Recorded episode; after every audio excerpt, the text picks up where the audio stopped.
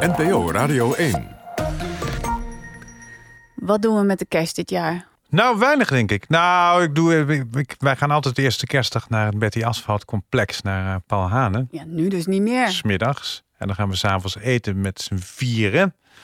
Maar dat kan nu niet, maar hij streamt. Dus we kunnen de voorstelling thuis beluisteren. En voor de rest ben ik natuurlijk druk bezig met de voorbereiding van mijn oudejaarsshow hier op Radio 1. Dat wilde ik Oh, zeggen, leuk. inderdaad. Die komt er gewoon. Ja, normaal doe ik die in datzelfde Betty Asphalt complex. Maar dat zaaltje, daar kunnen we nu maar 20 mensen hebben. En ik heb nu een andere zaal, het Bevoorhuis in Austerlitz. Daar kunnen we iets meer mensen hebben en er zit meer akoestiek in. Dus eh, dan krijgen we toch nog een beetje sound.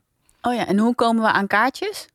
Via eh, eh, Radio 1, maar hoe dat eh, precies, eh, volgens mij moeten de... Ja, dat zijn er natuurlijk maar heel weinig, hè. Want volgens mij, ik denk dat we daar ook maar 30 of zo mogen. Oei. 40. En, en TZT. eh ga je TZT ons ook komt er vertellen een hoe laat enorme campagne. we moeten luisteren. En, eh, Ja, zeker.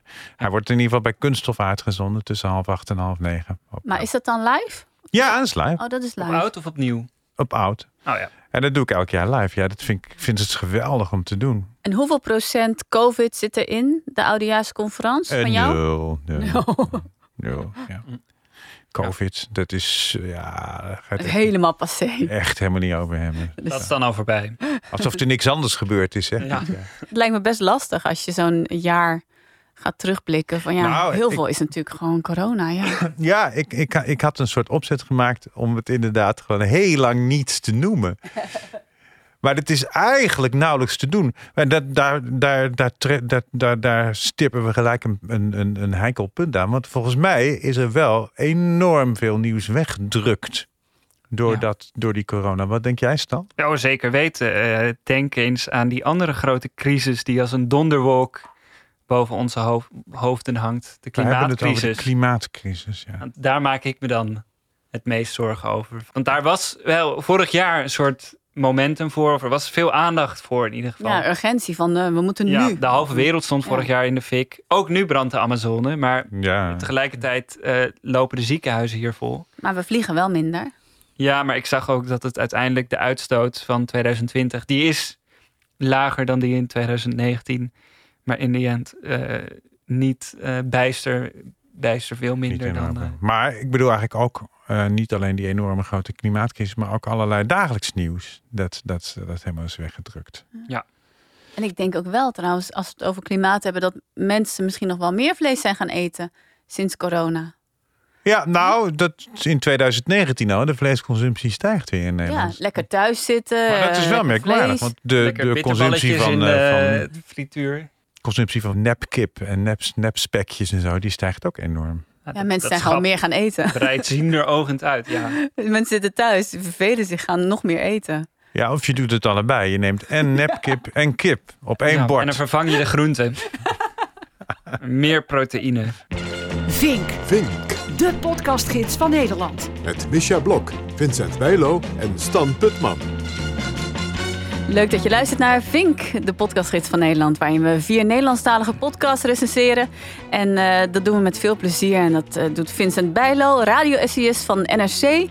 Ah, ja. Ja, eh radio-essayist die zich in de toekomst vooral gaat bezighouden met essays over podcast. Ah, dat moet nog met de hoofdredactie. Oh, dat moet met de hoofdredactie. Hm. Stan Putman, eh hoofdsauzen en hoofd podcast recensies eh, Volkskrant. Ben je, ben je hoofd podcast recensies? Nee, joh. Maar, maar daar schreef je toch wel naar? je nee, hebt toch ja, wel ik heb- dromen? dr- nou ja, als, ik heb wel dromen, maar die, Die- die mijn zijn van droom is af- niet hoofdpodcastrecensies. Het is meer Nee. sausdromen. maar met... Godverdamme. Ehm ja, daar, ja, Wat is jouw droom, Stan? mijn droom Voor het Ehm, leven? voor het leven. Wat is, jouw, nou ja, wat is jouw ambitie? Waar wil je zijn over tien jaar? Dat is Nou, zo'n ik rotvraag, hè? Ja, ik, ik, nou, ik vind het heel leuk om podcasts te bespreken. Maar ik zou zelf ook meer toch wel willen maken. En dat kan of podcast, of geschreven stukken, of... Oh, ehm, dat is leuk. Wat voor podcast zou je willen maken? Mm, ja, het, is, met het, het erge is natuurlijk dat je de mond vol hebt hier met allemaal meningen. Ik, ja, over dit, hoe alles moet klinken niet. en dit Ja. is fout. En Ah, maar dan gaan wij bespreken, interesseert jouw niet. podcast. En, Ik, ehm, ik vind tegelijkertijd vind ik wel een goede titel voor jouw Ja. podcast. Precies, Ja, tegelijkertijd, de podcast. ja. Alles heeft twee kanten. Ja, nou dat is dan ja. de ondertitel. Het, op zich, het, het is wel een goede, eh, goed streven naar meer nuance. Het is misschien een soort van ge- een hele genuanceerde Nuance. talkshow... waar Ja. niemand naar wil luisteren... omdat er geen spannende dingen Een gezegd worden. genuanceerde Oh, talkshow. daar ben ik ik heel ben- erg voor. Dat ik is ben een helemaal- heel goed idee. Daar Nee. liggen mijn ambities trouwens Ik helemaal ben juist niet. veel meer voor minder genuanceerde talkshows. Kunnen wij die niet samen gaan presenteren? Bijlo en Putman, de nieuwe Pauw en Witteman. Oh ja, ja. Doen. Ja, twee Ja. witte mannen? Nee, Ja, daar, komt, daar komt er echt niet Ja. doorheen in Twee deze witte tijd. mannen. Maar dan nodigen we alleen maar Tegelijkertijd eh, hebben we er andere altijd gekleurde gasten. gasten uit. nee, het is eh, een slecht idee. Afgeschoten. Gaan Nee, we is een niet slecht doen. idee. Gaan we niet doen. Nee hoor, dat Oh. gaan we wel doen. Reacties, ja. Reacties en tips of voor Reactions. onze eindejaars eh, special. Oh, zeg dat even. Stan. willen we van jullie horen wat Ja. jullie de aller, aller, allermooiste podcast of beste of leukste podcast van 2020 vonden. Ja. Gewoon even kort op onze voicemail, 30 ga- seconden. Precies, we gaan geen awards uitreiken of zo, of dat soort dingen. Want nee, eh, het nee. awardseizoen hebben we het al helemaal mee gehad. Eh, gewoon eh, inspreken inderdaad. 035 671 7000. Wat was voor jou de allermooiste podcast van 2020? Je kan er een vuurwerkpakket mee winnen. Dat, en dat steken we dan hier af in de studio, zodat je ernaar kan luisteren. Ja, Mm. precies. We kregen een eh, recensie eh, via iTunes. Oh, ik heb nu hier niet bij staan hoe die heet. Een heel handige podcast om me een beetje een weg te helpen slaan door een dicht begroeid woud van podcastland. Dank voor alle drie. Heb jij die geschreven, Stan? Nee, hoezo? Ja, omdat het echt zo onze bewoordingen zijn. Van Nee, het zijn jouw bewoordingen. Ik heb nog woud. nooit het woud gebruikt. ik denk eer, ik herken hier jou eh, of jouw stem in. Mijn stem, nee. Wegslaan vind ik ook mooi. Wegslaan. Ja. We zijn ook besproken in de podcast Hard Gras. Want we hebben Hard Gras hebben we laatst eh, besproken. Oh god, Hoe ja. had hij ook weer gescoord? Nou, Niet, niet heel goed. waren niet super enthousiast. Ook niet heel eh, teleurgesteld. Ik was er heel enthousiast over, toch? Ja, jij wel, ja. Ik Ja. wel. Nou, eh, laten we even luisteren wat eh, Henk Dat het Spaan... met allemaal eh, witte mannen was. Henk Spaan zegt er iets over in de, in de, de aflevering van Hartgras. We zijn ook besproken, behalve door jouw vrienden van de Mannenpodcast. Ja, Man, Man, Man, de Door, podcast, inderdaad. Ja, die waren lovend. Maar we zijn ook besproken door eh, een eh, vrouw die heet Misha Blok. Die was ook lovend in haar uitzending. Ja, weet ik niet. In haar uitzending over de, de podcast. Eh, maar daar zat bij Vincent Bijlo. En die was zagrijnig. Oh, Die vond het eigenlijk, eh, nee, die vond het eigenlijk maar niks. En eh, hij had als argument, bijvoorbeeld, ja. dat wij eh, één minuut lieten horen van, eh, of twee minuten van Marcel van Roosmalen. Ja. En ja, ja, zei Vincent Bijlo. En dan wil ik dan dus dat hele verhaal horen. Dat was. eh, Ja. Maar dat is toch precies het idee ook eh, van, van deze podcast. Ook een beetje reclame maken voor het blad. Zeker. Maar ik vond het, ik, eh, ik citeer het niet met instemming hoor. Wat hij Nou, misschien kunnen we vragen aan Marcel van Roosmalen of hij langs wil gaan bij Vincent Bijlo. Bij- Zeker. Het verhaal voorleest en daar ja, dan ook weer ja. een, een verhaal over schrijft. Daar voor hard gras Vind ik geen slecht Ja. idee. Vind ik best een goed idee. Ik kom hem wel eens tegen, Ja. Vincent Bijlo. Erg aardige jongen. Ja, Zeker. Ja, en een radioliefhebber, purist, eh, echt puur Ja. zang hoor. Zeker. Ja, het heeft hem heel veel verdriet gedaan dat zijn eh, radiocolumn in het AD is eh, gesneuveld. Ja, waarom eigenlijk, Hugo? Nou, daar ben ik niet verantwoordelijk voor. Ik vind het ook Nee, jammer. maar je zit dicht bij het vuur, toch? Ja, maar ik, eh, ik opereer los van eh, hoofdredactie. En dat Ja, ja. is, wel heel prettig. Nou, selectief geshopt in eh, onze kritieken. Mevrouw Blok van de VPRO. Ja, laat ik dat even eerst rechtzetten. God. Want ik ben niet van de VPRO, mensen. Ik ben van Avrotros. En Avrotros houdt van dit soort muziek. Laat die handjes zien. En straks gaan we met z'n allen. Heel hè? snel wegdraaien, lieve mensen. Nee, nog even het refrein. Maar ik ben niet van de Afrotros. Jawel, jij bent ook van de Avrotros. Want je zit nu bij deze Maar omroep. de Afro houdt helemaal niet van deze muziek. De Tros houdt van deze muziek. Ja, dit is, dit is een ook. fusiemisverstand. Oh, oh nee. Hou op. Zet uit, zet uit, zet uit. Zet Ja. af. Zet af. Oké. Maar ehm, Vincent, wat is jouw reactie? Nou, ik vind dat ze wel mooi, eh, mooi spreken daarover. Wel genuanceerd, toch? Heel genuanceerd. En eh, heel Maar goed. je had wel en ik denk ook wel dat ook ze, op mijn, podcast? dat ze mijn dat ze mijn, mijn bezwaren enigszins eh, eh, snappen. En ik, ik, ik heb me er ook niet... Nee, ik, ik waardeer dit zeer, dat ze er zo over praten. Hou nou op, zet het eruit! Weg, weg! Anders dan neem ik ontslag. Je hebt geen contract. Ja, noem je dat ons zal wel, maar dan breek ik Afrocross. dat open. Oh, dan breekt dan ga ik naar hard gras. Eh, ja, over tot de orde van de dag.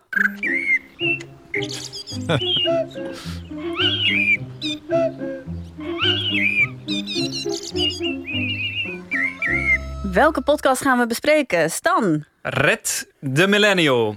Vincent. De schrijfvis. Ik heb aangedragen in de kop van en aangedragen door de luisteraar de Telekids-generatie. We beginnen met in de kop van. Toen mijn vader overleed, hebben we alle afspraken afgezegd. Alleen één afspraak heb ik door laten gaan. Dat was de afspraak met de VARA. Om een keer te praten over... nou, zijn er misschien dingen die ik kan doen bij de VARA... eh, eh, nou, binnen deze tijd, of volgend jaar. En toen werd ik een eh, dag na de crematie werd ik gebeld... door de VARA met dit aanbod.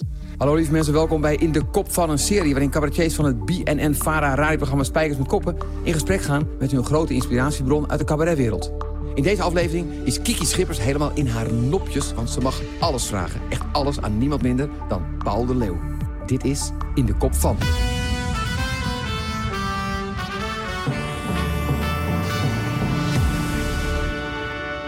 Ik heb een eh, liedje voor je.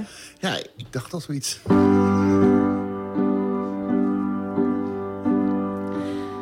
Ik weet niet of je zat te wachten op een interview met mij. Waar je net nog vriendelijk lachte, kijk je nu steeds minder blij. Oh. Paul, je bent tot mij veroordeeld als een zalm in een fuik. Je bent mijn rolmodel, mijn voorbeeld. Je ziet het aan mijn buik. Paul, in mijn herinneringen klink jij als een soundtrack mee. Als mijn moeder jou gaat zingen. Al die poppers op tv. Poppers? Bij mijn vaders dood je troostlied. Elke zaterdag jouw show. Zelfs toen ik bruut ontmaagd werd, was jij op de radio. Paul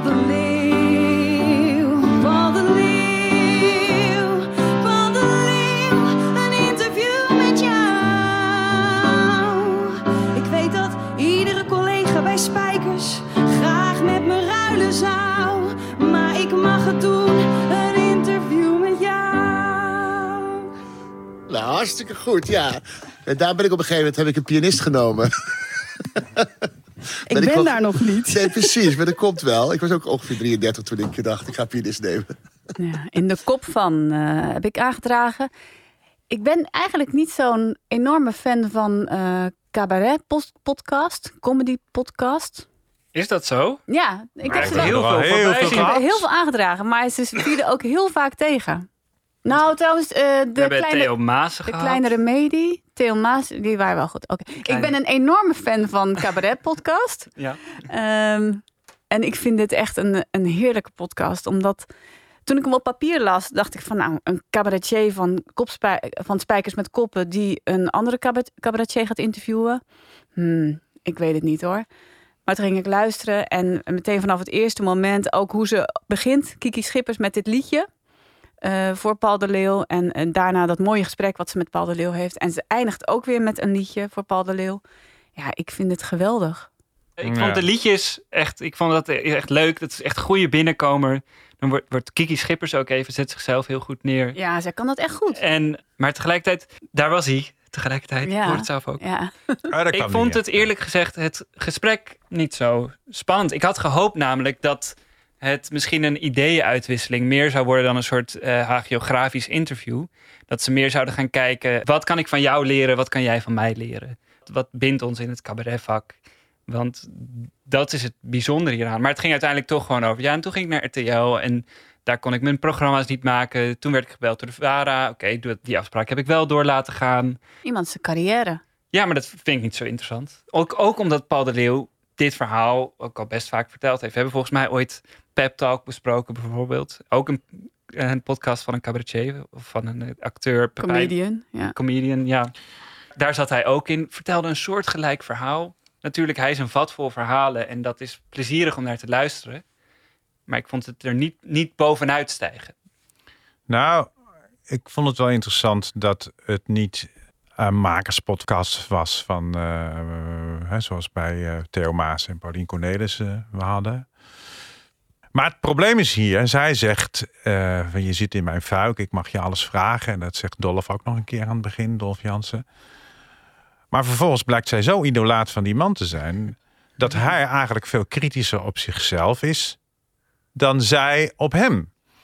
Want hij neemt soms het interview over en dan gaat hij dingen vertellen over zichzelf, eh, met de eigenschappen van zichzelf, waar hij dan wel eens moeite mee heeft. Of, Oh, daar heb ik een fragment van. Dat hij eh, kritisch is op zichzelf inderdaad.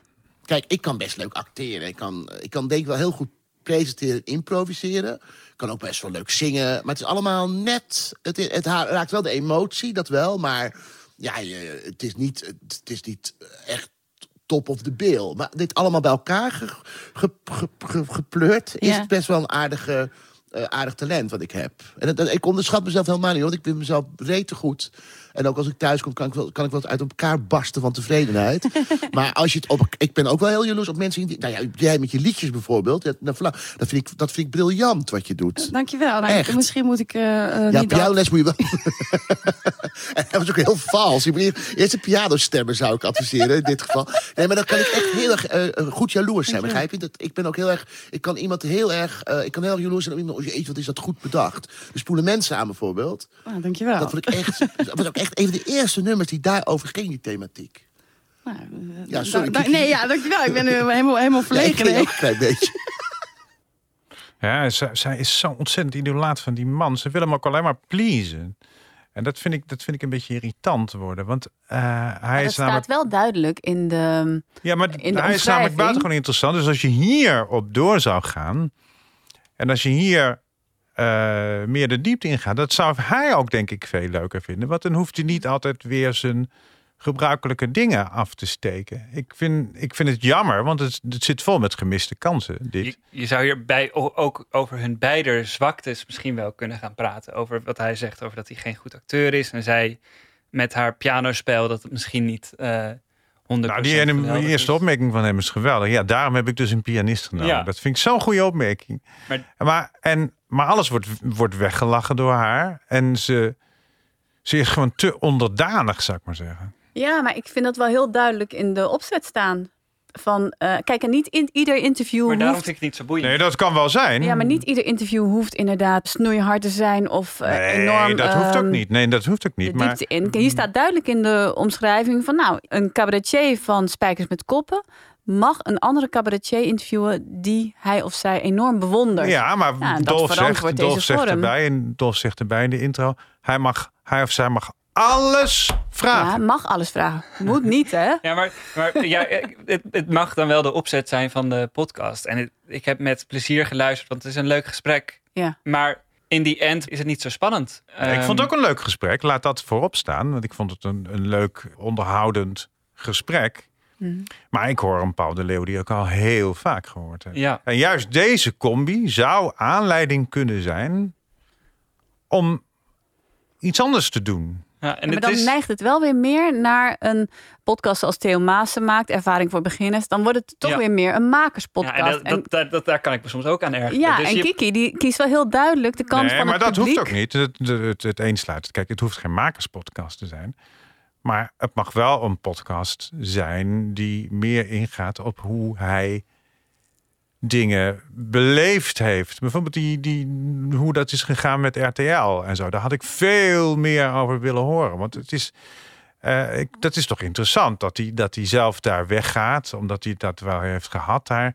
Eh, hij is de zoveelste die daar als het ware bijna... eh, die dan weer terugkeert bij de publieke omroep. Dat is natuurlijk met, met Van Huis gebeurd.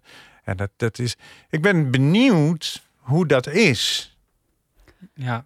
En ik En, had ook, ik, vind- en dat hoeft helemaal niet, dat hoeft helemaal niet snoeihard en kritisch te zijn, maar met, met wat meer stilte en wat meer intimiteit zou dat mooi zijn. En juist zij is op zo'n moment in de gelegenheid om dat te doen, omdat ze daar met Ja. z'n tweeën zitten. ik wil voor sterren komen. Ik ook nog even, zeg maar, misschien is dat ook wel een klein beetje de fout van de opzet van de podcast. Want ik ook geluisterd naar Stefano Keizers in gesprek met Tineke Schouten. Ja. Dat vind ik een hele leuke combinatie. Omdat Ja, in mijn hoofd maken Ja, zij ja. heel verschillend werk. ja. Dus dan ben ik echt benieuwd van wat haalt Stefano Keizers uit het, uit het werk van Tineke Schouten en wat vindt zij daarvan? Of, maar dat werd ook gewoon, ja, en dit is echt gewoon een chronologisch gesprek geworden. En dan zit, trekt hij een gaat hij een beetje in de rol juist van klassieke interviewer zitten. Dus Hm. Ehm, Het mag allemaal iets losser, vinden jullie. En iets dieper. Dat is een beetje wat ik bij jullie Nee, eh, losser hoor. hoeft niet. Dit, is toch hartstikke los? bij Kiki is het hartstikke Nou ja, los. bij Stefano. Stefano is Ja. het juist weer wat is, is hij wat meer inderdaad de klassieke interviewer. Dus het, is, het verschilt heel erg per aflevering. Maar er zijn wel, eh, het, het zijn leuke gesprekken om te luisteren. Ik geef Oh ja. drie sterren. Drie sterren van Stan. Ik geef er ook drie, absoluut. Ik geef er vier. En we zijn toegekomen aan de tweede podcast. En dat is Red de Millennial. Millennials zijn verwend. Millennials hebben burn-outs. Ze neuken minder dan hun ouders en ze eten meer avocado's. De kranten staan er vol mee en iedereen lijkt te weten wat deze generatie kenmerkt. Maar kloppen deze stereotypen wel? En wie kan deze leeftijdsgroep eigenlijk beter onderzoeken dan de millennial zelf? Welkom bij de eerste aflevering van Red de Millennial. een Podcast waarin wij, Charlotte en Bouke, uit 1998 en 1997 onze eigen generatie onderzoeken.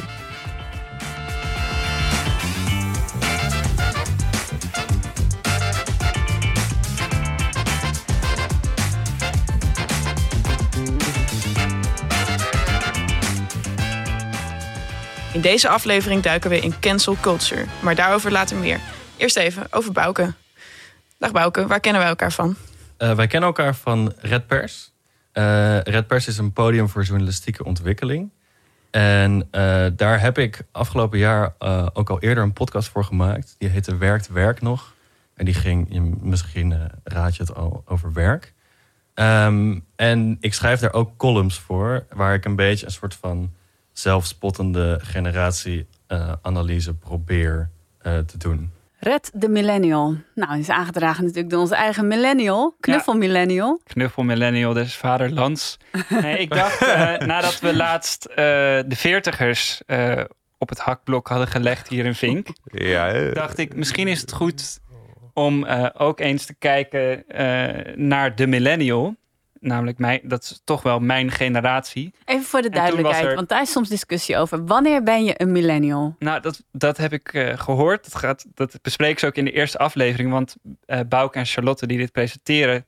zijn echt op het randje nog een millennial. Volgens sommige ehm, definities zijn ze het ook niet meer. Maar millennials zijn volgens mij tussen 1980 en 1995... volgens sommige definities, andere tussen 1980 en 2000 geboren. En eh, ik ben zelf uit 1994... En het, eh, Ja, het dan gaat je- erom dat je de millenniumwisseling eh nog Ja. hebt meegemaakt. Maar ik kan me herinneren, we hebben een hele tijd geleden... hebben we ook wel eens een millennial podcast besproken. Ehm, Oké, van- millennial van het heette die, Parool, ja. Ja. En daar reageerde jij toen best wel op van... ja, ik voel me in een hokje geduwd. hoezo ben nee, ik vind, ik vind het namelijk. Ik, ik, ik, was, ik heb deze vrouw aangedragen omdat ik nieuwsgierig was. Ik, Ja. Maar ik. ehm, want ik vind het altijd best wel. Of heb jij millennium, je millennial zijn geadopteerd? Ja, omarmd. Je bent over je eigen millennium schaduw heen gestapt. In jouw zoektocht, naar- in naar jouw mezelf, identitaire naar wie ik zoektocht. ben. Respect daarvoor. Mooi dat je ook zelfgroei hebt, Stan. Ja, self, self eh, Self-care. Ja. Nee, maar de, de, de millennial, ja, er, ik, ik vind eh generatiedenken altijd best wel vervelend. En je Maar tegelijkertijd- snel in clichés. Maar tegelijkertijd...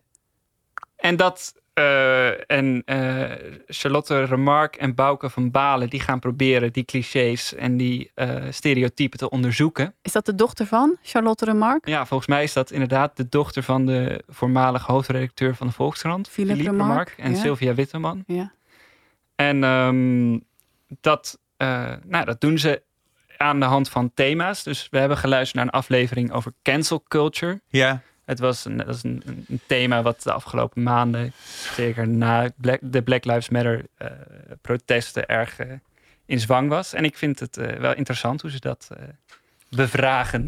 Het is wel interessant. En even eerst over het stemgebruik. Want die Charlotte, die praat, die praat dus zo. Die praat, het valt mij heel vaak op bij millennials. Jij hebt het trouwens niet. Maar ehm, ze praten heel haastig. Heel snel. Wat vind jij als logopedist daarvan, eh Misha? Als je haar hoort praten. Want ze praat heel, heel haastig. Alsof ze, ze praat ontzettend snel. En Ja. ze, ze maakt woorden niet, niet af. Het is binnensmonds. En, en ze heeft ook heel weinig melodie in de stem. En dat valt mij heel vaak op bij die generatie. Dat, dat, dat, dat ze zo spreken. Ik heb me daar niet aan gestoord. Nee, Nee, niet. niet gestoord. Maar, maar dit is een... een, een, een, Generalisatie van de generatie. Nee, nee, nee, stemgebruik. nee. Het is een constatering van het generalisatie stemgebruik. Van de generatie. het is wat sneller inderdaad. Maar ja, ik hoorde vooral een eh, soort van eh, grachtengordel. eh, ik hoorde een heel erg Amsterdams Ja, geluid. volgens mij zijn en deze... woede. Wat zeg je? Woede. Woede? Ja, woede, een beetje, een beetje. Want ze, dan zegt ze ook van ja, in het begin is al een discussie van. eh, er worden allemaal dingen gezegd over millennials door millennials die eigenlijk helemaal geen millennials meer zijn. En die, en die eh, ja, waar halen ze hun autoriteit dan eigenlijk vandaan? En eh, het is een ongelooflijke navelstaarderige podcast eigenlijk. Laten we even naar het tweede fragment luisteren. Ik vind het altijd wel goed dat we nu allemaal proberen onze normen en waarden eh, gelijk te trekken. Dat we het hebben met z'n allen over wat mag er wel en wat mag er niet. Maar ik eh, ben wel eens bij een soort live canceling geweest van Picasso. Ehm, die is overigens niet meer in leven, maar ik, was in een, ik, ik volgde een vak over kunstgeschiedenis. En daar ging het over dat Picasso al zijn vrouwen mishandelde. Mhm. Hij had allerlei vrouwen en die sloeg die. En er, ik zat bij mensen in de klas en die beweerden eigenlijk allemaal van... ja, maar dan zouden we dus de musea eigenlijk moeten leegtrekken. We kunnen die vent toch niet meer... We kunnen zijn kunst toch Ja. niet meer bekijken. Ja. En dat, is- daar over, toen overviel mij hetzelfde gevoel... als dat mij overviel toen rondom Kevin Spacey... die in een eh, duister verleden een keer met een tiener naar bed was geweest. Eh, van, mogen we dan die kunst eigenlijk niet meer mooi vinden? Dus daar ligt voor mij de nuance. Dan vind ik van, oké, dan moet je de kunstenaar en de kunst moet je dan van elkaar scheiden. Ehm, maar goed, mag je iemand cancelen? Ehm, zoals Lia Michel, die de hoofdrol speelde in Glee. En van wie nu allemaal dingen uitkomen over dat ze de achtergrondacteurs kakkerlakken noemde. En dat ze een keer in een bak soep heeft getuft. Dan denk ik van ja, je mag in ieder geval weten dan van haar dat ze zo is. En dan mag je misschien gewoon niet meer met haar willen werken. Ja. Eh, in die zin is het handig dat we de receipts op Twitter gooien. Ja. Ik vond eerlijk gezegd eh, deze podcast bijvoorbeeld minder navelstaarderig dan eh, wat we vorige week bespraken bij eh, de veertigers. Ik vond deze een stuk beter. Ja, het is, Ja, dit ik gaat vond het- over ik vind het is heel interessant. En Het is heel interessant om, om te horen. Ik ben er ook van geschrokken in die zin dat zij het voor zichzelf heel moeilijk maken met al die, eh, met, met al die onvrijheid eh, en al die, al die, al die zelfcensuur. En dat ze, Maar wat- waar- dat waar- zegt wat zij op een gegeven moment ook. Van, van ik, ik, ik, ik zou zo graag eens vrijuit willen praten, zoals die mensen van vroeger dat konden. Maar dan zegt ze vervolgens ook: Ik had het hier laatst over met mijn ouders. En die zeiden, of met oudere mensen, die zeiden: Ja, we, vroeger in onze tijd had je ook allerlei dogma's Ja. over W.F. Ja, Hermans. zeker. En eh, op een andere manier waren eh, jonge mensen toen heel eh, rechtlijnig in hun denken. En dat vond ik een hele interessante eh, Mm. take, om een Mm. millennial woord te gebruiken. Hele interessante visie op het, eh, op het hele debat over cancel culture. Nou ja, toen jij deze podcast aandro- aandroeg, Stan, toen had ik zoiets van, echt, is een millennial podcast. We hadden natuurlijk net de veertigers gehad. En ik dacht van, nou, dan ga ik weer naar zo'n eh, gebabbel eh, podcast luisteren. En eh, toen zet ik hem aan. En ik was dus echt verbaasd over hoe interessante dingen waren die ik hoorde. En want eh, op papier dacht ik, waarom ga ik naar deze twee mensen luisteren? Wat hebben zij nou te melden? Maar ze hadden wel degelijk echt goede denkbeelden en goed over nagedacht. En eh, Zoals, noem voorbeelden. over eh, het cancelen. Over het cancelen van mensen en over hoe, nou, dat je vroeger ook gewoon rare uitspraken natuurlijk kon doen. eh, of dat je even verkeerde denkbeelden erop kon nahouden. Maar dat tegenwoordig natuurlijk door social media, dat het allemaal te achterhalen is wat je tien jaar geleden hebt gezegd. En hoe ze ook worstelen, hoe ze worstelen met die, met die, met die, met die, met die onvrijheid eigenlijk die het, die het oplevert. eh, Met Ja. zelfcensuur. Dat zij dan ook Ja. zegt van ik heb, eh, ik, ik word misschien wel gecanceld omdat ik ooit eh, dat ik het N-woord heb gebruikt. Voor de oudere generatie was neuken het N-woord, maar voor de jongere generatie is neger het N-woord. En het excuseren. Dat vond ik ook wel echt een inzicht van dat dat heel erg dus van de millennial van de millennials is van oké, je kan dus een fout maken, maar dan moet je daarop terugkomen. Ja. En, maar, maar tegelijkertijd, nu ga ik hem ook gebruiken, Mhm. vind ik dat Oh. niet alleen millennials. Ik, je ziet dat natuurlijk ook gewoon bij niet-millennials nu gebeuren. Dat eh, mensen steeds sneller gaan excuseren. in eh, de Verenigde Staten iets. eh, Vind ik een hele interessante casus. Misschien dwalen we nu een beetje af voor, maar Alison Roman, zij is een receptenschrijver. En zij heeft ooit in een interview uitgehaald naar Marie Kondo dat zij een sell-out is. Dus dat zij ehm, eh, al omdat zij nu, zij is bekend geworden als minimaliste. Ja. En ze verkoopt nu allerlei producten om mensen minimalist te laten worden. Dat is Een beetje in een eh, nutshell het, het probleem. En vervolgens is zij gecanceld omdat ze een andere vrouw heeft afgevallen. En ook nog een minderheid, of iemand, eh, nou ja, in Japan niet per se een minderheid, maar ehm, iemand, een vrouw van kleur. En eh, ze had ook Chrissy Teigen aangevallen. Dat is ook een, een hele populaire receptenmaker. En dat, dat is een hele discussie geworden in de, de VS. De New York Times heeft haar vervolgens Mm. ontslagen. En dus in de VS is dit ook een veel groter Femke debat. Louise. Of Femke Louise. Ja, die bij op één zat van eh, wij doen niet meer mee. En die daarna daar is op teruggekomen van nou, ik, ik had er beter over moeten nadenken. Het was, Ja, het was niet goed heel- dat ik daar zat. Ja. Maar dat vind ik dus een heel goed voorbeeld van ehm, hoe je dus daarmee om kan gaan. Dus daar ja, moet ik heel erg maar aan ik heb ook vaak bij die discussies over dat cancelen, wat jij net allemaal vertelt staan. Dan denk ik van Jezus, dat de mensheid zich daar in, Ja, nee, dat in is verdwaald raakt. En dat zich daarmee. Wat is dat zonde eigenlijk van je tijd en van je energie? Want ik heb bij deze podcast ook vaak dat ik denk, jongens, trek al die maskers van, van correctheid en wat je wel of niet mag zeggen, nou eens af. En leef. En, en ja, maar tegelijkertijd kan je, kan En- je, in en- je in je, vind ik het wel dat je het en moet kunnen bediscussiëren. Zeker in een podcast waar dat je plan is. En als je bijvoorbeeld Ja, hebt over het gebruik zeker. van het N-woord, kan je andere mensen in hun vrijheid beknotten of kwetsen door. eh, Ja, nee, dat, dat is ook zo. Maar ik vond En wat, wat win jij erbij door het wel te gebruiken? Als, eh, Nee, nee, maar dat was ook heel interessant. Want zij had dat N-woord gebruikt. Omdat een zwarte vrouw dat zelf gebruikte over zichzelf. en, dat- en, de, en graag van haar wilde dat zij dat woord ook Ja, dat is, dat is, dan- dan ga jij dus als witte bedenken van nee, dat, dat mag ik niet doen. Dat is heel interessant. Net als me- mensen die mij Ja, maar dat niet, is niet- net als mensen mij niet blind noemen, maar visueel beperkt of zo, of visueel Maar, maar het uitgedaagd. is niet door, door witte mensen bedacht dat zij het N-woord niet mogen gebruiken. Het is vanuit de zwarte gemeenschap. Nee, nee, nee, nee, maar dat, dat legt, goed, dat, legt niet. goed al die dilemma's bloot. En het, Ja. het web waarin je dan verstrikt raakt. Maar dat was zo leuk aan deze Dat podcast. vind ik heel leuk. En ook het inzicht, het gaf mij het inzicht ook. Er zijn ook heel veel positieve dingen aan een cancelcultuur. Ik vind het heel goed dat we elkaar eh, tegenwoordig kunnen aanspreken op dingen. En dat we daar, dat dat eh, activistischer is geworden. Ik vind het heel goed. Ik heb het laatst ook gedaan als, eh, als Nicolette van Dam een, eh, een, een Chinese restauranthouder op een eh, vervelende manier bejegent. Ik vind het goed dat daar dan dat mensen daarover vallen. ja, dat- en dan worden ze er ook daar- wel bewust van ja, uiteindelijk. Ze wordt daarop aangesproken. Ze, ze is zich daar nu bewust van. En weer door. Ja. Ik vind het heel goed dat we daar wat alerter op zijn geworden. Maar je moet er ook kritisch op zijn van hoe, hoe, hoe, hoe dogmatisch moet je daarin zijn. Ja, en ik, En- ik vind wel op het moment dat degene die is gecanceld... eh, en op dat moment zegt van... nou, sorry, ik heb dit eh, niet doorgehad dat dit zo'n eh, issue was. En nu heb ik inzicht gekregen. Dan Ja, kan hij ontcancelen. Ja. Maar het ligt er natuurlijk. En het, daarbij zijn wel heel veel grijstinten over eh, wat je hebt gedaan en eh, hoe je excuses aanbiedt. Of hoe je... Hebben jullie dingen ge- eh, gedaan waar je nu achteraf nog Ik om heb vroeger wel eens worden? eh, eh, ge- Zwarte Piet gespeeld als eh, puber. Ging, ging- had ik eh, als bijbaantje in december. Dat Ja. zou ik nu nooit meer doen, bijvoorbeeld. Ik heb dat ook wel eens gedaan hoor. Zwarte Piet gespeeld. Ook als eh, student. Ik heb Oh, Zwarte Pies gespeeld op het Blindeninstituut. En het voordeel was dat ik me niet hoefde te sminken. Ja, dat was ook zo goed aan de Sinterklaasjournaal podcast eigenlijk. Helemaal geen discussie Ja, daarover. dat was heerlijk. Ik heb één keertje een uur in de smink gezeten voor Zwarte Piet. Eh, voor dat ba- bijbaantje als student. En toen liep ik naar buiten. En het eerste kind wat ik tegenkwam, die zei tegen mij, hij is Chinees.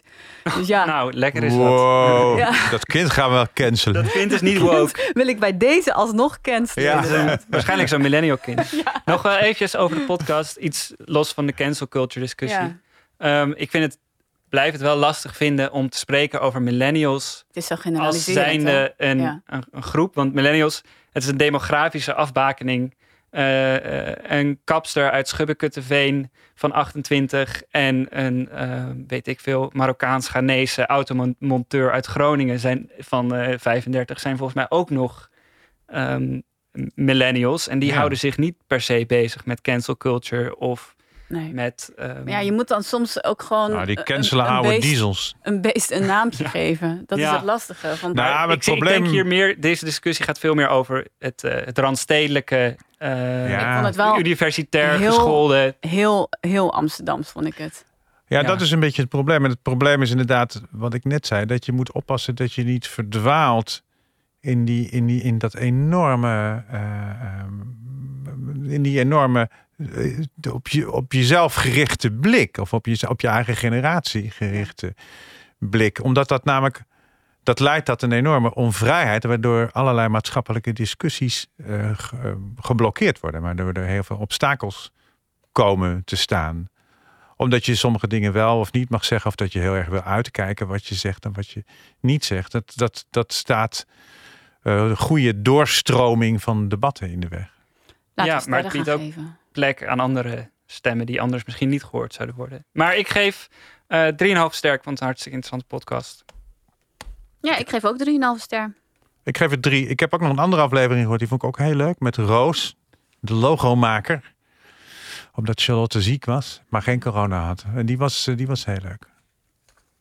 We gaan naar eh, de derde podcast en dat is Schrijfvis.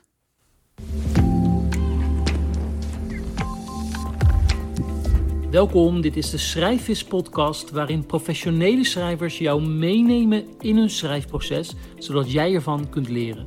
Mijn naam is Dennis Rijnvis, ik ben de oprichter van schrijfvis.nl, een website vol schrijftips. In deze aflevering interview ik Nancy Oldhoff. Ze is speechschrijver voor ministers en CEO's, maar ze schreef ook een zeer originele roman. Kijk, als speechschrijver, je moet sowieso presteren, want anders staat die minister dus met een lege vel. En ik merk aan heel veel aspirant-schrijvers dat ze heel veel excuses hebben om niet te schrijven. Dat heb ik dus niet. Nancy Oldhoff werkte als speechschrijver voor ministers als Maxime Verhagen, Maria van der Hoeven en Mark Rutte. Onlangs debuteerde ze met haar eerste roman, De Achtbaantester. Een ontroerend verhaal over een sociaal onhandige man die zich het liefste verstopt in zijn zolderkamer met knikkerbanen, maar stiekem ook droomt van een leven vol actie en avontuur. In deze podcast vertelt Nancy hoe ze de moed verzamelde voor het schrijven van een roman, waarom ze in zee ging met een literair agent en ze geeft een belangrijke tip voor het schrijven van speeches. Ja, schrijvers. Ik had hem aangedragen omdat ik het, het, leek mij interessant om. Want het, eh, hij heeft elke podcast heeft hij een, schrijver of een, eh, een, eh, een literair agent. Of, het zijn allemaal aanmoedigingen eigenlijk om, om zelf tot iets te komen. En dus inderdaad, tips zitten er heel veel in. En dit gesprek met deze Nancy Oldhoff. Ja, dat is heel interessant, omdat zij eh, vertelt hoe ze tot iets komt. Dat iets, maar ze begint over die speeches, dat is al een erg leuk. Hoe maak je een goede speech voor een politicus? Ja. En eh, ik, wat ik verademend aan deze podcast vind, is dat er eigenlijk. Het gaat de hele tijd ergens over. En dat ja. Vind ik interessant. Nou, er zit één stuk in waar een enorme zakker in zit. En dat is, dat is als zij gaat praten over haar contacten in de uitgeefwereld. En, eh, en dat had van mij eruit geho- gehoeven, eh, gemoeten. Want dan begint ze zichzelf ook behoorlijk op de borst te kloppen. En, eh, dat, dat, en een beetje sterrendom. te, te- maar dat, dat, dat hoeft voor mij niet. Maar de rest is allemaal buitengewoon Ja, interessant. het gaat heel erg over de schrijfpraktijk en het werk. Ja. Het werken aan tekst en het werken met tekst. Het is wat mij betreft volgens mij ook echt geen podcast voor het grote publiek per se, maar echt voor mensen die zich eh, graag eh, nou ja, die ambities hebben op het schrijfvlak in de breedte. Ja, zeker. Ik vond eerlijk gezegd ehm, de podcast, het eerste gedeelte, namelijk over haar carrière als speechschrijver, dat vond ik super interessant. Ja, en, vond ik ook, eh, ja. Dacht ik, ah, dat is een inkijkje in een wereld en hoe maak je dat? Dat vond ik hartstikke eh, boeiend. Maar eigenlijk het tweede gedeelte over haar roman vond ik eigenlijk minder interessant. Dat was aan de ene kant eh, wat Vinnie zei over hoe ehm, geweldig het is en dat ze internationaal wil doorbreken. En dat vond ik op zich leuk, dat ze zo ambitieus is. Maar vervolgens kreeg ik geen gevoel voor het boek. Ik kreeg, ehm, ik kreeg Nee. ook geen gevoel voor haar. Maar het was wel een mooi inkijkje, vond ik, in de wereld van ja, hoe, Hoe begin je met- hoe begin je een boek? Hoe ga je om met, eh, met jezelf het gevoel van ja, ik ben wel een boek aan het schrijven, maar ik heb nog geen uitgever. En mensen die aan je vragen, hoe staat het nou met je boek? Ja, ik, en het vinden van de juiste uitgever door middel van een agent, vond ik wel een leuk inkijkje. Dat is, dat is heel interessant. Ja. en, en, maar wat ik ook heel interessant vind, is je manier van schrijven. Ik ben zelf ooit, oud, oud- toen ik aan mijn eerste roman begon, heb ik dat ook helemaal zonder schema's gedaan. En ik ben eigenlijk net als zij gewoon maar begonnen. Hmm. En ik had een paar scènetjes gewoon gaan zitten. En inderdaad, zij zegt het is er als hete lava uitgevloeid. En dat gebeurde bij mij eigenlijk ook. Eh, dus in die zin vind ik dat erg leuk om, om te horen. Dat er, want er zijn natuurlijk ook schrijvers die werken met eh, ontzettend veel kaartjes en hele schema's. En zoals mensen die letterbakken op hun bureau zetten, zou ik maar zeggen, met allemaal vakjes waar scènes in zitten. Dus dat is heel interessant om dat te horen. En dat kan ook heel interessant zijn voor mensen die zelf iets willen gaan proberen. Dat hoeft niet per se een roman te zijn. Het kan ook een verhaal zijn. Of een, het aanzetten tot schrijven is volgens mij buitengewoon belangrijk. En dat, is wel, dat komt heel goed uit deze podcast. Ja, en de dagelijkse praktijk van. Ze beschrijft ook dat ze op een gegeven moment was ze met haar boek bezig. En toen is ze gewoon iedere ochtend heel vroeg opgestaan. Om gewoon te gaan schrijven. Ja. En dat ze eigenlijk zoiets heeft van, joh, schrijven, dat moet je ook gewoon doen. En niet te veel over praten. Dus Het is, het is maar een gekke discipline, want niemand doen. zit erop te wachten. Hè? Want als je het niet doet, dan gaat niemand, niemand mist dat. Oh, dat vond ik een heel leuke uitspraak van haar. Van, eh, het kan soms ook heel veel vrijheid geven. Het besef, je hoeft geen boek te schrijven. het Ja, hoeft dan ook niet te gaan doen. Je kan het ook gewoon niet doen. Ja, ja dat is Ja. leuk. Ja, Maar hou dan wel op met dat gelul. Ja, erover. precies, niet dat Nee, gelul Het is sowieso heel fijn om haar niet lullen, maar poetsen mentaliteit Ja, van het schrijverschap te Een hele horen. leuke vrouw. Ja, Zullen we naar het tweede fragment luisteren? Kom maar op. Ja, ja, ja. Het gaat over. ehm, oh, het gaat, dit gaat nog even over speech schrijven en Oh ja. adviezen. Wat mij vooral opvalt als ik mensen help, ook in opdracht, is dat ze opeens heel anders gaan schrijven en doen als ze een speech willen houden. En dan denk ik, ja, waarom doe je dat nou? Want aan de telefoon of net aan de koffie was je veel leuker en begrijpelijker en swingender. En nu hoor ik opeens mits ten daarentegen. eh ja, heel, heel raar. Dus hou, hou je eigen verhaal en je gevoel vast zoals je in de kroeg een verhaal zou vertellen. Dus ook met een smeuïge anekdote, met humor. Ja, dit is zo herkenbaar. Ook voor mij. Ik geef wel eens cursussen en dan vraag ik mensen zichzelf voor te stellen. En dan zijn het hele joviale mensen, maar dan gaan ze opeens van een briefje voorlezen met hele ouderwetse woorden. drama. Ja. Ja. Dus dat, dat voorkomen. eh, Dat is heel belangrijk. En kijk, dat argumenteren, daar, daar heb je zoveel boeken over. Ja. En wat nou, dat is eigenlijk, ja, dan nog denk ik, dan geldt alles wat ik hiervoor zei ook. Ja, dus gewoon we- wees jezelf en probeer op een soort vertrouwelijke toon ook tegen iemand te praten. Of Op een toon die bij jou past, zeg maar. Ja, en beeldend en swingend en met humor. En Ja. het liefst ook met, ja, het mag ook een beetje schuren. Dus het mag ook iets, eh, ja, traan Ja. mag er ook in zitten. Ja. Dat is ook leuk om te horen, want dat, heb- dat merk je natuurlijk heel vaak. De mensen, als zodra ze speeches, dan worden ze ook plechtig. Ja. Bruiloftspeeches zijn meestal. Ik, ik zat eens een keer te eten in een eh, restaurant in Doetinchem. En in de zaal naast ons was een bruiloft bezig. En er was een vader van de bruid die ging speechen. En wij konden dat lekker horen door die speakers. Nou, werkelijk. Dat gaat over zijn eigen dochter dan. En, eh, maar je hoort het heel vaak. Ik, ik heb vorig jaar heel veel speeches beluisterd met die 100 jaar radio. Want Beeld en Geluid nam voor de oorlog altijd heel vaak speeches op. Met, met, met, eh, of zijn bewaard met jubilea en zo. En nou ja, dat is meesterlijk. Het is zo erg, zo plechtig en zo. Ja, leuk. Ja, En, eh, zij is ook echt een leuke gast natuurlijk om te interviewen. En hij interviewt Ja, ook leuk, nee, ik vind wil- ik. Dat wilde ik net gaan zeggen. Ja. Dat eh, Ja. Dennis Rijnvis, die, die eh, werkt als schrijfdocent ook. En die is, eh, heeft, is zelf ook schrijver.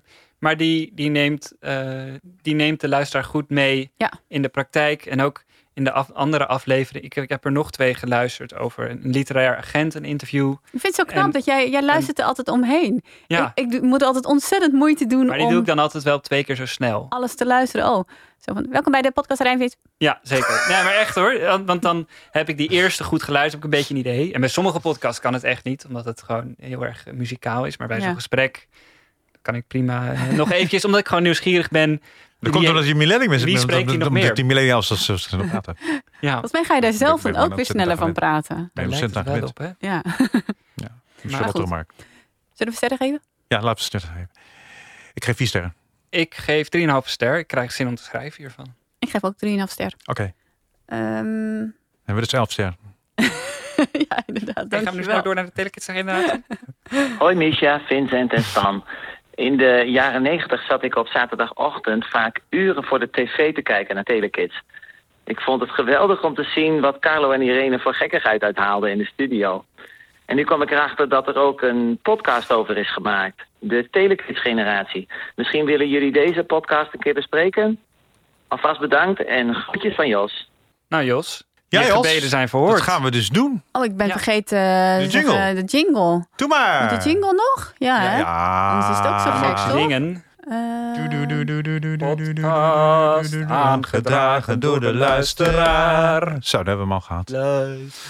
Jos, Telekids, aflevering 12. Ja. Het is de laatste We aflevering. hebben geluisterd naar de aflevering over de kerstspecial. Ja, dat ze afscheid nemen na tien jaar. Is dat een kerstspecial? Telekids. Was dat kerst? 2 oktober 1999. Ja, ik, ik heb trouwens meerdere afleveringen geluisterd. Kerst ik weet valt, niet meer eh, zo vroeg, viel vroeg. Ja, welke, welke wij Dubbele snelheid. met z'n allen geluisterd hebben. Ehm, meteen een fragment. Ja, kom maar op. Dat is het fragment eh, waarin we horen hoe Irene Moors terugblikt op die allerlaatste uitzending. Dat- Dat was een marathon-uitzending van tien uur. Als je op een gegeven moment echt aan het eind van die tien uur komt... en, en dan is dat laatste moment daar... ja, jezus, dat grijp je dan wel even naar je strot, ja. Vooral omdat je dan denkt, oh ja, oh ja, oh. Niet dat ik spijt had, of Carlo spijt had, maar... Ja, we waren allebei wel heel even van ons stuk van... oh ja, dit is wel een afsluiting van een, van een tijdperk. En niet, voor, niet alleen voor ons... eh, maar voor, voor, voor, we- zagen- ja, voor, voor kinderen. En dat, hadden, dat, dat verdriet van kinderen, dat realiseerden we ons te laat eigenlijk. Dat hoorden we echt serieus achteraf. Dat overal thuis werd, was gehuild en gedaan. En toen dacht ik, oh wat erg. Ik kan er nog maar janken. Ja, erg hè? Dat is echt, ik ben echt... Ik ben een zeef hoor. Ik kan overal om janken. Maar als ik me dat kan, ik kan me dat voorstellen. Wat erg. Ik lijk wel, ik lijk wel een eh seniel grootje. Maar eh, ja, dat was wat. Ja. Maar dat, dat is... Dat... Ik denk, oh, wat hebben ze aangedaan? Ja. Maar hebben jullie, wa- waren jullie überhaupt veel bezig? Maar waren jullie veel bezig met wat het, wat het deed? Nee, daar waren we niet mee bezig. Wij waren niet bezig met de impact die het had. En eh, of dat nou wel of niet oké is, weet ik niet. We waren vooral bezig met een zo leuk mogelijk programma te maken. En ehm, Oh ja, dat eh, eindigt een beetje. Een beetje abrupt. maar het was dat of nog heel lang door. Ja. Ja, ik wil het. Ik heb dus nooit één, één minuut van dat hele programma gezien. Nee. Eh, omdat het was tussen mijn 24ste en 34ste. En in, in de vriendenkring en familiekring hadden we toen eigenlijk ook nog geen, niet veel kinderen. Dus die dat konden zien. Dus ik, ik weet er niks van, behalve dat ik het eh, wel eens eh, aangekondigd heb zien staan. En hetzelfde eigenlijk hier. Ik was eh, vier, nee vijf toen het van de buis ging. Dus Ja. voor mij eh, heeft het ook helemaal geen betekenis. Ik kijk nu naar jou, Nee, ik heb het ook niet echt voor jou eh, ook- gezien. Ja. Nee, ja, wel stukjes van Dus pittige allemaal tijden. niet binnen die, die telekids-generatie eigenlijk. Nou, misschien ik wel, maar ik heb het gewoon niet zo gezien. Ja. Ik keek naar andere dingen. Nee joh, want jij was in 1989 al 15. Ja, dus je was te oud. Kijk je dan niet meer naar oud. Telekids? Nee, nee Oh. dit was echt voor kinderen. Nee, maar pittige tijden, dat Ja, kan ik me nog wel goed herinneren hoor. Daar moesten wij wel heel erg om lachen. Maar dat, eh, ja, ik weet niet, het kwam dan op andere manieren tot ons of zo. Ja, dat denk ik. Maar eh, nou, kijk, wat leuk is aan deze podcast is natuurlijk, het is eigenlijk een, gewoon een heel klassieke eh, eh, documentaire-achtige vorm waarin ze het schieten. En dat is gewoon de, zo'n hele uitzending beschrijven en wat het deed en wat het met mensen deed. En die fragmenten die ik hoorde, vond ik leuk, want de Ja. kinderprogramma is natuurlijk altijd geweldig als er een band bij zit en je mag met z'n allen meezingen en je hebt leuke gekke figuren. Kindertv is altijd leuk als mensen daar heel veel hart voor hebben. En die, en die, en die doen dat. En die zijn lekker te pionieren en te klooien. En, eh, en dat verandert steeds van vorm. Dat, dat is een leuk genre, want het heeft nog een soort vrijheid. En dat, is- dat is juist des te verbazender dat dat toen kon bij die commerciële televisie. Ja, en je hoort dat er gewoon heel veel liefde ook in deze podcast zit. Het is Ja, met veel oh, liefde God, gemaakt. ja, ja, die er zijn mensen. veel mensen geïnterviewd. eh, Ja. Mooie fragmenten ertussen. Het is ook het is een eh, au- autonome podcast. Het is niet eh, aangemaakt voor een NPO iets of een AD of wat dan ook. Dus dat vind ik altijd eh, een, een, een pre. En het is, Ja, zeker. ehm, het Ja. gaat ook niet. De podcast heet de Telekids generatie, maar het gaat niet zozeer over de generatie zoals Red de Millennial over een generatie gaat, maar het gaat gewoon echt over het televisieprogramma. Ik vond het zelf wel als eh, iemand die er dus geen nostalgische gevoelens bij heeft, best wel veel.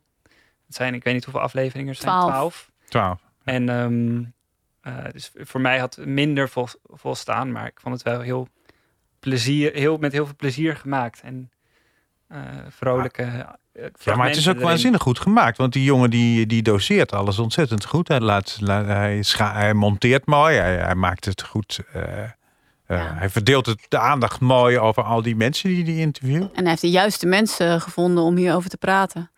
Ja, de- en, en maar wat wel bijvoorbeeld raar is in die aflevering 12, dat eh, sommige mensen lullen maar wat. Die, die doen wat, wat, wat gis, wat gooien van of dat nu nog wel zou kunnen en of niet zou kunnen. En anderen vinden ze dan weer de YouTubers van de jaren 80. En dan zegt Carlo Boshart op een gegeven moment, nou, ik geloof wel degelijk dat het nog, nog steeds zou kunnen hoor. Dus iedereen eh, vindt er wel wat van. En dat, dat is dan wel weer jammer. Want dat is, ja, dan zit men een beetje in de lucht ouwe hoeren. Eh, maar voor de rest is het, is het een waanzinnig leuk ding, ja. Ja. Ja, Zeker. volgens mij eh, Ja, ik, zijn we eh, ik, werd er, eh, ik werd er vrolijk van. Ik geef er 3,5 ster voor.